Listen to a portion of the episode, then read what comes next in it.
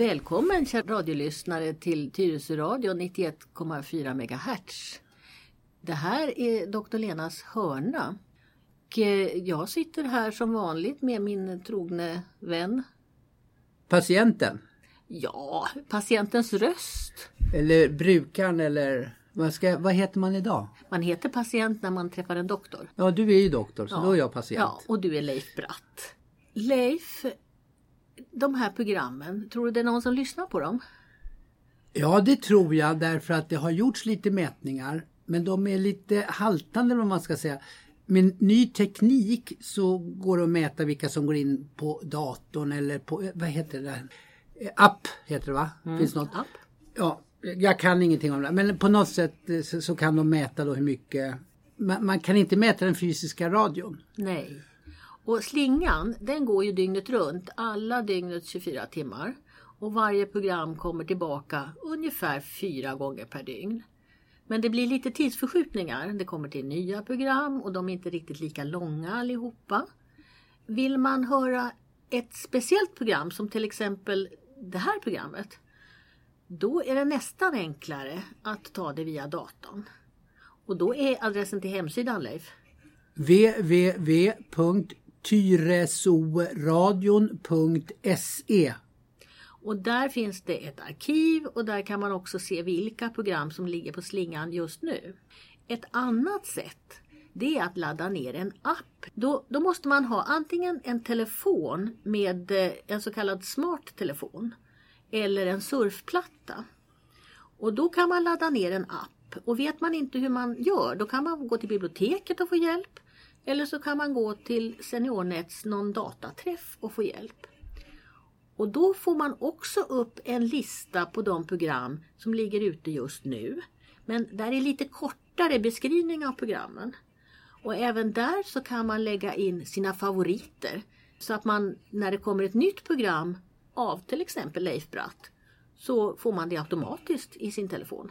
Men alltså finns det inga arkiv på den där appen? Jo då, det finns det också och det ligger inte riktigt lika många som det ligger på, på hemsidan. Men det ligger 1400 någonting i alla fall. Som man, 1400 program. ja, så att det, det är lätt att gå tillbaka i tiden och hitta. Och även där på appen så kan man söka då på eh, ett ord eller ett namn eller ett tema för att hitta då vissa program. Ska vi gå över till dagens program då? Ja, det skulle handla om muskler tyckte du sa. Ja, idag är det muskeldagen. Fast jag tänkte det skulle heta psoas och platysma för jag tycker det är så vackra ord. Ja, där är vi väl inte överens då. Jag vet inte vad du pratar om. Psoas, det stavas med PS, precis som i psalmbok. P-S-O-A-S. Det skulle ju kunna vara namnet på en sån här gladiator i TV4 till exempel. Jaha. Men nu är det så att det är det latinska namnet på kroppens allra största muskel. Eh, Hjärtat. Nej, den här är lång, nästan som en oxfilé. Fast den är, det är inte filén, utan det här börjar bak i ryggen och går ner i ljumsken. Och sen har den ett lilla syskon som heter ilio som ligger på andra sidan ljumsken. De här brukar man sätta ihop och kalla för iliosoas. Och det är den stora höftböjarpaketet. Alltså, låret eller nej? Ja, det, det är den... Låret rumpa. Nej, låret mera. Och inuti kroppen. Det, det är den muskeln som när man ska, ska sträcka på sig, då använder man den. Det är den muskeln som är skälet till att vi är bland annat då människor och inte apor. Det är den muskeln som fick oss att kunna stå och gå och springa och sparka. Lämna träden. Man undrar då så här, hönan och ägget tänkte jag då när du berättade det där. Var det den muskeln som gjorde det möjligt för oss att börja knalla omkring på savannen? Eller fick vi den för att vi började knalla omkring? Ja du, om jag kunde svara på det. Det var ju inte bara den muskeln. Det var också så att själva bäckenbenet ändrade lite form. Men det kan ju å andra sidan ha berott på att muskeln blev större. Sen finns det ju de som säger att egentligen så var det att handen utvecklades, att vi, vi flyttade tummen och stortån. Så att det blev lättare för oss att, att ta i saker och springa. Men eh, psoas är viktig i, i människans utveckling, det kommer man inte ifrån. Men en annan sån där fråga då, då som har med vad säga, utvecklingen att göra, eller mutationer eller vad du nu ska kalla det för. Om man tittar på idrott, både svarta, gula och vita, vi är människor allihopa, men sällsynt att en vit man slår en svart man på eh, 100 meter eh, sprintlopp. Varför eh, är de överlägsna på det då? Och kära någon, vilka svåra frågor du ställer. Det, det, har jag ingen aning om. Egentligen ska det inte vara någon större skillnad. Det finns ju socioekonomiska faktorer också i det här. Och det finns kanske vita snabba män som har ägnat sig åt andra sporter. Nej, jag kan inte svara på det. Och, och sen är det så här, jag måste ju, nu måste jag bekänna också lite att när jag läste fysiologi och det är där musklerna bland annat ingår då. Det var en vår i Uppsala och jag råkade bli dödligt kär. Så att jag ägnade mig inte så mycket åt musklernas funktion. Inte på det sättet i alla fall. Och sen tog kärleken slut. Och det var väl kanske på sitt sätt tur för annars hade jag ju aldrig träffat min nuvarande man. Fysiologin det är inte alldeles min starka sida. Men får jag bara fråga, pussmun det är ju en muskel. Fast den Om du är... var kär då? Ja, ja, den muskeln tränade jag. Ja. Eh, Men eh, just det här med vem som springer snabbast och vad det beror på. De frågorna måste jag nog jag måste lämna dig här. Jag överger dig och går och pratar med en muskelexpert istället. Jag ska leta rätt på någon här i Tyresö. Återkom gärna. Sitter du kvar tills jag kommer tillbaka? Självklart. Du lyssnar på Lena Hjelmerus på Tyresö radio 91,4 MHz.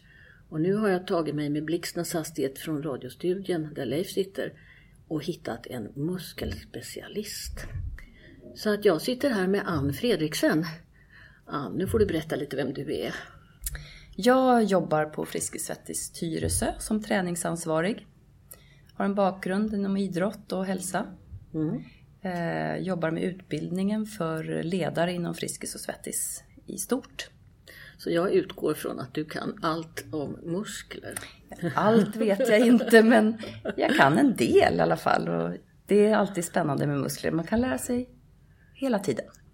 Eh, jag har ju lite tidigare erkänt här att jag inte är sådär jättebra på muskelfysiologi. Och i ärlighetens namn ska vi väl också säga att både idrottslärare och fysioterapeuter, alltså de gamla sjukgymnasterna, lär sig mycket mer än vad läkarna gör. Ja, jag har ju inte gått läkarlinjen så jag kan inte säga det. Jag tror att ni kan ganska mycket om muskler också. Men Ja. arbetsfysiologin kanske vi läser lite mer om. Ja, vi kan ju viset. vad de heter på latin och var de sitter och ungefär vad de ska göra. Men eh, jag tror att du vet mer om hur de jobbar tillsammans. Det här kan man prata länge om så jag tänkte vi ska begränsa oss lite grann då till det jag kallar för tvärstrimmiga muskler. Och då, det är ju därför att när man tittar på dem i mikroskop så är de randiga på tvären. Och det, det är sådana muskler som man styr med viljan eller tanken till och med bara. Och, och jag tror också att vi ska ta bort alla de här små musklerna som ögon och tal och, och kanske skrattmusklerna och hålla oss till rörelsen. Rörelseapparaten helt enkelt. Ja. Ja. Ja. Kan du berätta för mig, vad är en muskel? Ja, det blir stort här. Ja, men en muskel är ju eh, en del av kroppen som är kopplad till skelettet så att vi ska kunna röra på Mm, den sitter fast kropp. i Den sitter skelettet. Mm, fast i skelettet, ja.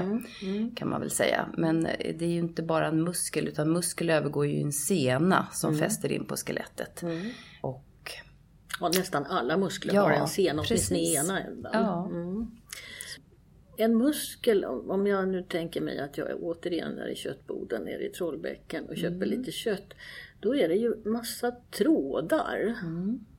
muskelfibrer. Precis, och de är, det är ju muskelns uppbyggnad kan man säga och det är ju de som vi aktiverar när vi tränar på olika sätt. Och beroende på hur stor kraft du vill ha utav ditt arbete med muskeln så träder liksom flera muskelfibrer in kan man säga.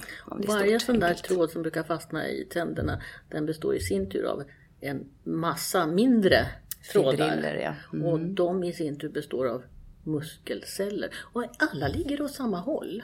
Alltså det är ju muskelfiber och muskelcell ska vi reda ut. Det är samma sak. Ja. Eh, och i muskelfibern så finns det fibriller. Okej. Så, eh, och när vi tränar och belastar muskeln så blir de här muskelcellerna större. De växer. Mm. Och i fibrillerna så mm, finns ju det där fina aktinomyosin heter det, sådana fina namn som gör att muskeln kan sammandra sig, alltså kontraheras. Det är sådana här kemiska ämnen som man kemiska ämnen. svettas väldigt mycket över, åtminstone på läkarlinjen. Jag har något dimmigt begrepp av cykliskt ATP. det kanske är något sånt. Ja, om vi går in i kemin så pratar vi ATP och allt det här. Ja. Inte allmän tilläggspension, det gamla, utan Ja. adenosintrifosfat. Men, men det är ju så att eh, det är ju som du säger en, en kemisk bunden energi som Mm. omvandlas till mekanisk arbete kan vi säga. Och eh, beroende på då hur stort arbete, hur kraftfullt arbete du gör så aktiveras ju flera fibrer. Jag har också lite dimmiga begrepp av den här förbränningen av energi. Att man kunde förbränna aerobt, alltså med hjälp av syre. Och anaerobt, när kroppen liksom gick på något reservförråd. Just det, eh, man pratar om aerobt arbete när man har tillgång till syren, den mängd som kroppen behöver för det jobbet man gör. Då flåsar man ordentligt. Då flåsar man på med, eller ja, man, man kan vara i steady state, alltså man kan vara i den nivån där man är ute och går en lång promenad i lite skön hastighet och då har man en jämn, jämn andning. Då är man i aerobt arbete. Vi är i aerobt arbete just nu när vi sitter här. Ja. Men anaerobt arbete blir det ju om jag till exempel kommer till en backe och jag vill gå upp för lite mer och lite snabbare, liksom fortsätta hålla samma hastighet. Då måste jag flåsa lite mer. Och till slut så kanske jag kommer till den nivån där jag inte riktigt har så mycket syre som muskeln behöver för att utföra jobbet. Och då blir det jag jobbar anaerobt, det vill säga tillgången på syre är inte lika stort som behovet. Och då blir det lite anaerobt arbete. Det där kan gå i och ur varann. Eh, men ibland om man jobbar för hårt, då går det inte att jobba längre för då, då tar, det- tar det Tar slut. slut. Då blir det mjölksyra också när vi jobbar anaerobt. Man får lite sådär ont i muskeln och till slut så blir den som förlamad kan man säga av, av det jobbet. Så då måste man gå ner i intensitet och energi eller kraft då. Så de där bilderna på maratonlöpare som ramlar över mållinjen, då har de alltså förbränt allt de har och, och jobbat anaerobt.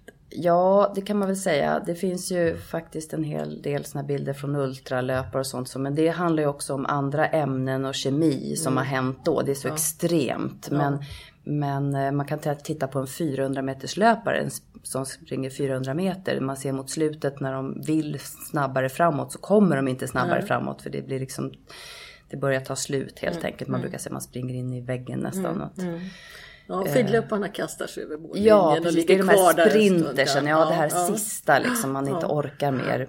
Hur de än tar i så går det inte, det blir som förlamat så att Mm. säga. Det finns inte så mycket syre som muskeln behöver och den kan bara jobba och bryta ner energin utan syre under ganska kort tid. Mm.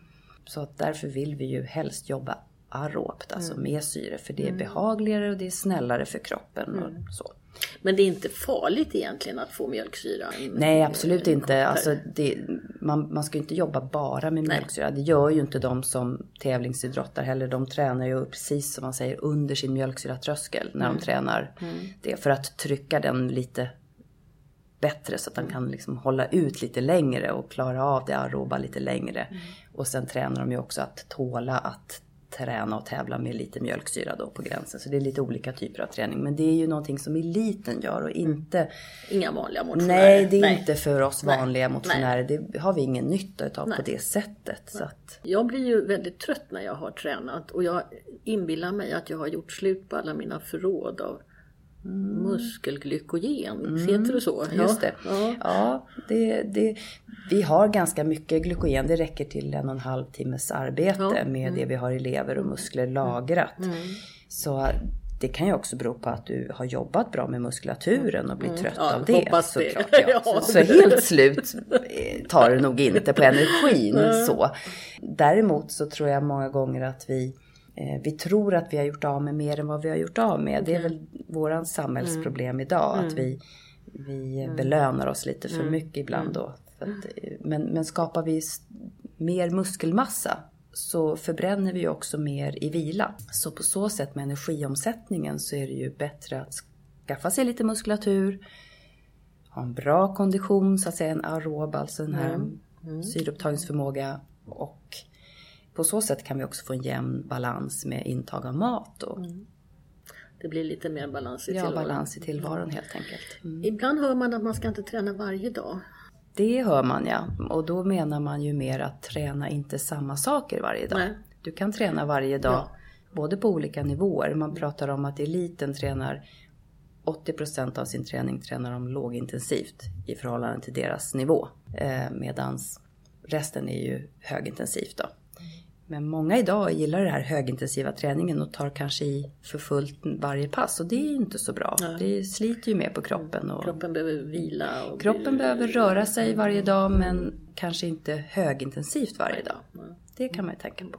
Man lägger ett par högintensiva pass för ens egen del då mm. per vecka och sen tränar lite mera behaglig träning om vi säger så. Jag har sagt tidigare i radioprogram att man ska nog komma upp i sin maxpuls åtminstone en gång om dagen.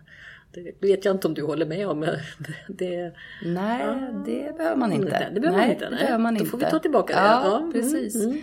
Utan det handlar nog mm. mer om att utsätta sig någon gång för lite högre puls är inte farligt. Nej. Det är väl många som tror idag att så fort mm. pulsen går upp så tror de att hjärtat hoppar ur mm. kroppen. Men, mm. Men så är det ju absolut inte. Men det är bra att trycka upp den lite mer än på den här uh, steady state nivån. Eller så att säga. Mm, ta i lite, ta lite mera. Ja, ja, precis. Ja. Lite ibland mellan varven. För en, en 10-15 år sedan så pratade man om långsamma och snabba muskler. Gör, man, mm. gör man det fortfarande? Ja, man pratar om långsamma och snabba muskelfibrer, alltså mm. muskelceller. Vi mm. består, vi föds säger vi ungefär med 50-50. 50 procent okay. av det ena och det andra. Sen beror det på lite grann arv och såklart och sen beror det också på hur vi vi tränar. Mm. Så att vi, om vi vill använda de här snabba muskelfibrerna, så typ 2 då som de heter, då måste vi utsätta dem för lite mer kraft och lite mer hastighet. Och de långsamma, de kan vi jobba länge och lite mer, mindre belastning med. Mm. Och det som händer när vi åldras, det är att vi förlorar mer av de snabba muskelfibrerna. Ja. Och de är väldigt viktiga för oss vid alla våra vanliga dagliga rörelser. Så att det är viktigt att vi utsätter kroppen för lite högre hastighet ibland också när vi blir äldre och lite mer kraft. Ta i lite grann. Ja, för att de mm. mm. per automatik mm. försvinner lite mm. mer när vi blir äldre och de behöver vi träna. Så att var inte rädd för att ta i lite mer när vi blir äldre mellan varven och öka hastigheten. Det är väl det som man jobbar mycket med att få ut idag. Så det är viktigt. Men de, de som sagt, hur mycket man har av det ena och det andra, det, det är också viktigt att träna de här uthålliga, de här typ 1-fibrerna då. De är ju också bra. De är Ja, de hjälper väl oss att säga det vardagliga, att hålla kroppen på plats. Precis. Ja, och liksom att, att orka hålla ja. ut och jobba, orka sitta, orka gå mm. göra det här som mm. vi hela tiden ska göra. Jag har nog glömt rätt mycket men jag kommer ihåg att det är en väldig massa muskler bara för att hålla huvudet på plats. Ja, huvudet och, väger ju sådär 5-6 kilo ja, av kroppsvikten. Och, och nackmuskulaturen. nackmuskulatur, och, ja. mm, mm. och det, men det är ju inte mycket om man tänker på barnet, det lilla Nej. barnet. Mm. Deras huvud, det är som att gå runt om vi skulle ha ett huvud som vägde 20 kilo.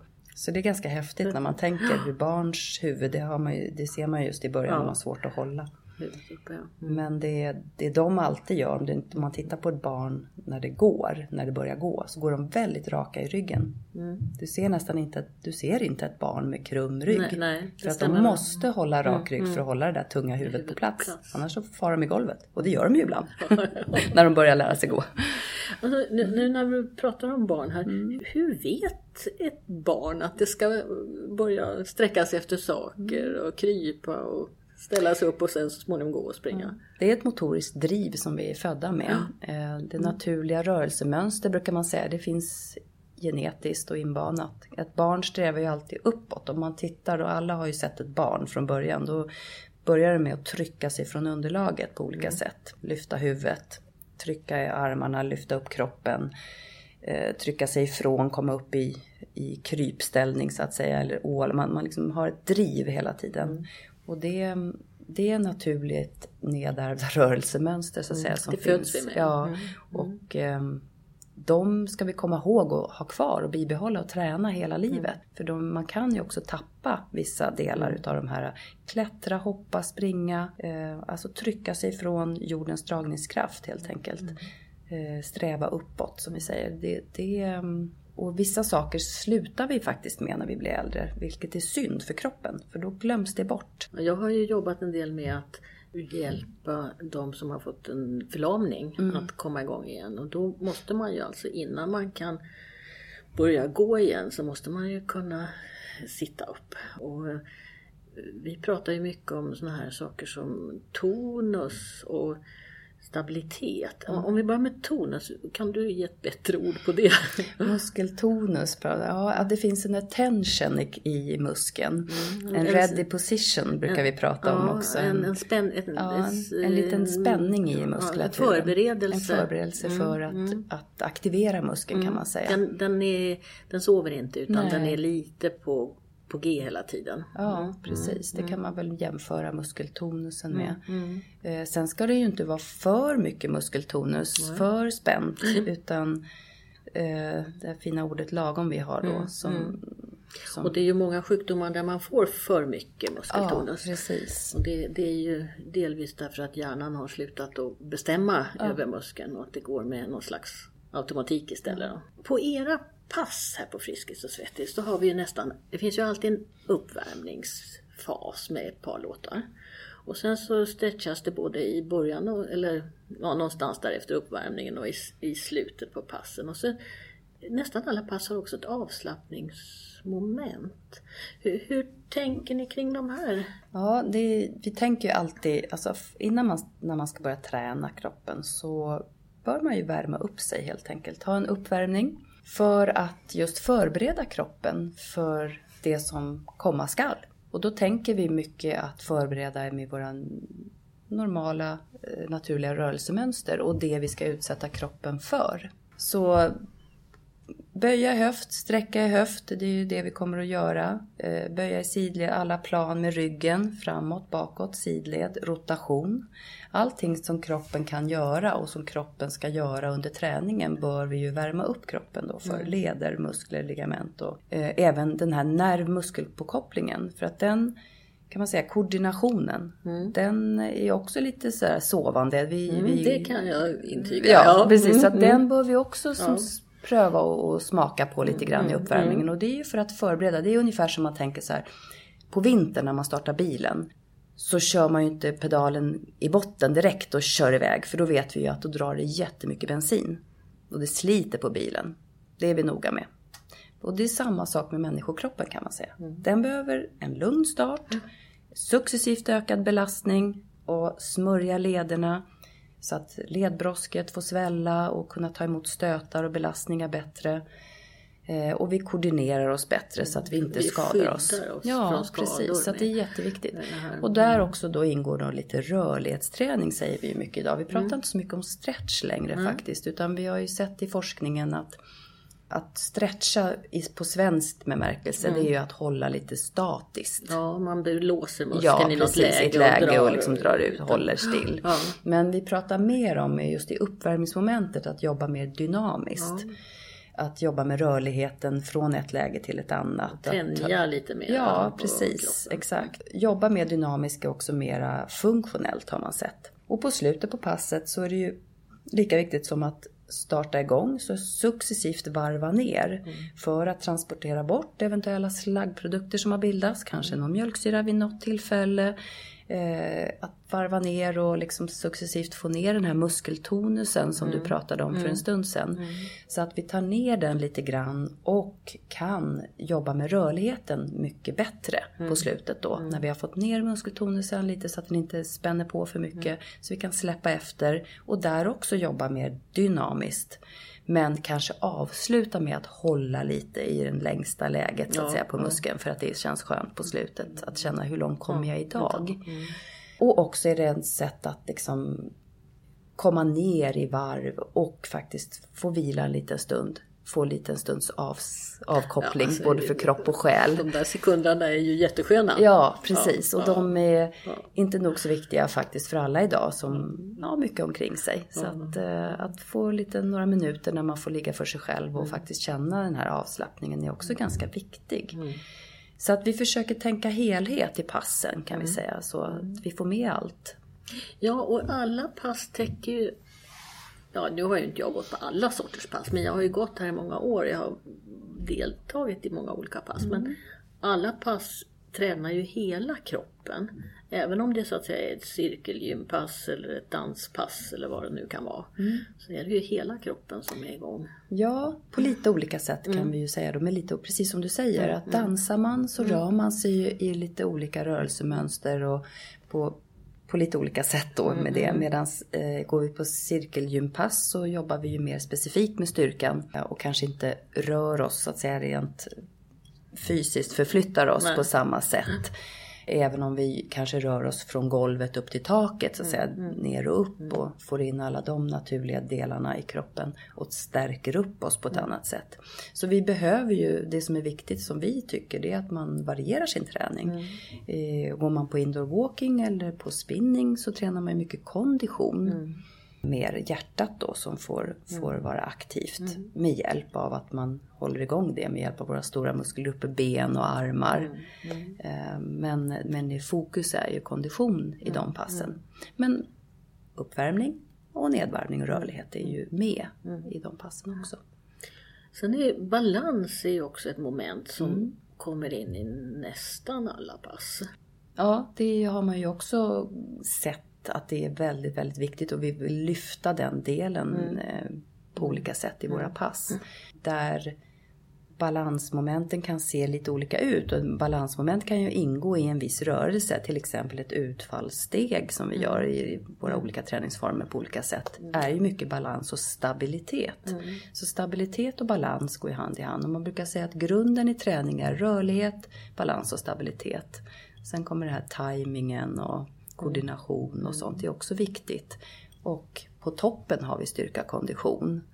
Tror vi måste förklara ordet utfallssteg. Ja, Eh, då står man med, fast på jorden med ena benet och sen så flyttar man det andra benet åt något håll, framåt, bakåt ja eller åt framåt någon eller sida. bakåt, precis. Man kan tänka sig, eh, brukar ju prata om skidhopp, alltså man håller fötterna isär och så kan du gå ner djupt och böja på benen. Det är ett utfallssteg. Man kan antingen gå framåt över golvet och sjunka ner i varje steg eller man kan stå på stället och Lite sådär som troll, trollsteg man Ja, gick i. När just man det, gick man är lite djupt ner. Men ja. man, Mm. det här kommer man ju upp emellan så man pressar sig ifrån. Ja, man ska träna för att må bra. Men den här med motivationen då? Hur hittar vi Hittar vi motivationen? Ja, jag tänker att det måste ju vara individuellt vad man, vad man är driven av. Och jag tror att man ska välja och börja träna det som man tycker är kul. För det är ju det som gör att man kommer att göra det igen. Sen är det många gånger så också att man tycker inte sånt som man inte klarar av så bra. Det tycker man ju inte är så kul och då gör man inte det av naturliga skäl. Men ibland så tror jag att vi måste utmana oss och göra lite fler gånger det vi kanske tycker mindre om för att det kanske är bra för kroppen i längden. Men jag tror man ska börja med att göra det man tycker om och då sen kunna ta, ta sig vidare och, och träna lite olika saker och göra olika saker. Det tror jag är en grund. Men jag tror, jag tror ju inte på att man liksom ska kunna det här att säga att någon måste göra utan, utan mer att man, man ska göra av, av sin vilja, att man tycker att det känns bra. Det kanske inte är kul alltid men det känns bra. Det, det finns ett motto på ert hemsida, eller en vision kanske. Att eh, träna med ett leende på Mm. Ja, läpparna. ja, just det. Jag brukar tänka på när det är som svettigast. Ja, man kanske inte ler i varje armhävning men, men ett leende efteråt. Ja. Med att man känner att man har ett välbefinnande i att man är nöjd med sig själv. Att man är nöjd med det att man har varit här. Och det tror jag att man ska känna i sin träning. Att man, att man är nöjd att jag har gjort det. Sen inte jämföra sig med någon annan utan bara med att jag har faktiskt varit här och tränat själv. Sen är det upp till var och en att sätta sina egna mål såklart. Men, men det vi vet idag det är ju att, att vi mår bra av varierad träning och att träna och att det hjälper oss in i, i åldrandet. Att vi mår bra hela vägen. Och att vi kan göra saker även när vi blir äldre och vi klarar oss. Ja, det finns ju ingen åldersgräns för träning. Nej, Nej precis. Utan musklerna de finns ju där. De, Ja. de är vi födda med och de har vi kvar tills vi dör. Så att det, det handlar ju mer om att eh, leder och ligament, eller ja, alltså de här senorna och banden i kroppen, att det är inte så töjbart längre. Att man får värma upp lite försiktigt. Och, men som du säger, ta i ändå i rörelserna. Ja, jag tror det är viktigt att, att eh, alltså ingenting är, en, träning är en färskvara brukar vi säga. Det är inte så att jag kan säga att ja, men jag spelade fotboll när jag var 25 så att jag är ju bra grundtränad. Nej, träningen har ju försvunnit eh, om du inte har tränat sen när, när du blir fe- 50 eller ens om några år. Men, men, men grundtränad betyder ju mer att man har en, en, ett rörelsemönster som man är van vid. Man har sprungit en gång, man har cyklat en gång, man har lärt sig det så man kan det. Så man, första gången man gör någonting kopplar man antagligen på alldeles för mycket muskler och man, gör, man spänner sig. Och sen efter ett tag så utvecklar man motoriken och, och man använder de muskler som man måste så att säga. Man blir på ett sätt lite lat kan man säga för att kroppen lär sig mönstret. Eh, Det är därför man ska utmana sig med nya rörelsemönster och kanske våga gå lite djupare i knäböjen och hela tiden utmana kroppen. För kroppen är av naturen lat. Så att jag tror att man eh, Grundkondition finns det ingenting som, det, det var en sån här gammalt begrepp man Det finns- slänger sig det- med. Nej det det, finns finns inte utan det är en grundmotorik kan Ja, jag säga, det en ja. rörelsevana. Ja. Det finns. Att kroppen minns Ja, vissa kroppen minns rörelsemönster. och då är det lättare att komma tillbaka i de rörelsemönster som man har gjort förut. Så att där, därmed vill jag säga att det är jätteviktigt att fortsätta att, att träna och röra sig och att utmana sig. Det vill kroppen, för kroppen åldras ju som du säger. Och våra muskler och vi tappar muskelfibrerna, de här snabba typ 2-fibrerna. Eh, det vet vi fysiologiskt. Men vi kan bibehålla så mycket. Vi kan alltså vara 70 år men vara som en 50-åring i kroppen. Om vi rör på oss. Det vet vi. Tack snälla Ann. Eh, Innan vi slutar, är det någonting som du vill säga mer som jag har glömt att fråga om? Oj! jag tycker att det är fantastiskt kul att vi har sån spridning på alla åldrar här hos oss. Och att det, det berikar och att man inte ska känna att man inte passar in. Utan jag skulle vilja säga att alla är jättevälkomna. Och att eh, våga pröva olika träningsformer.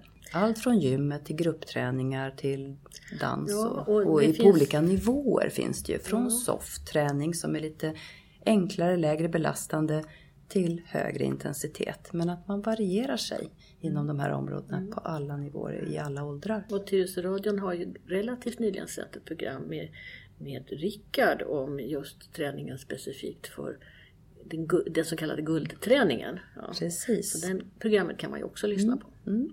Men då tackar jag för dig för idag. Tack så mycket.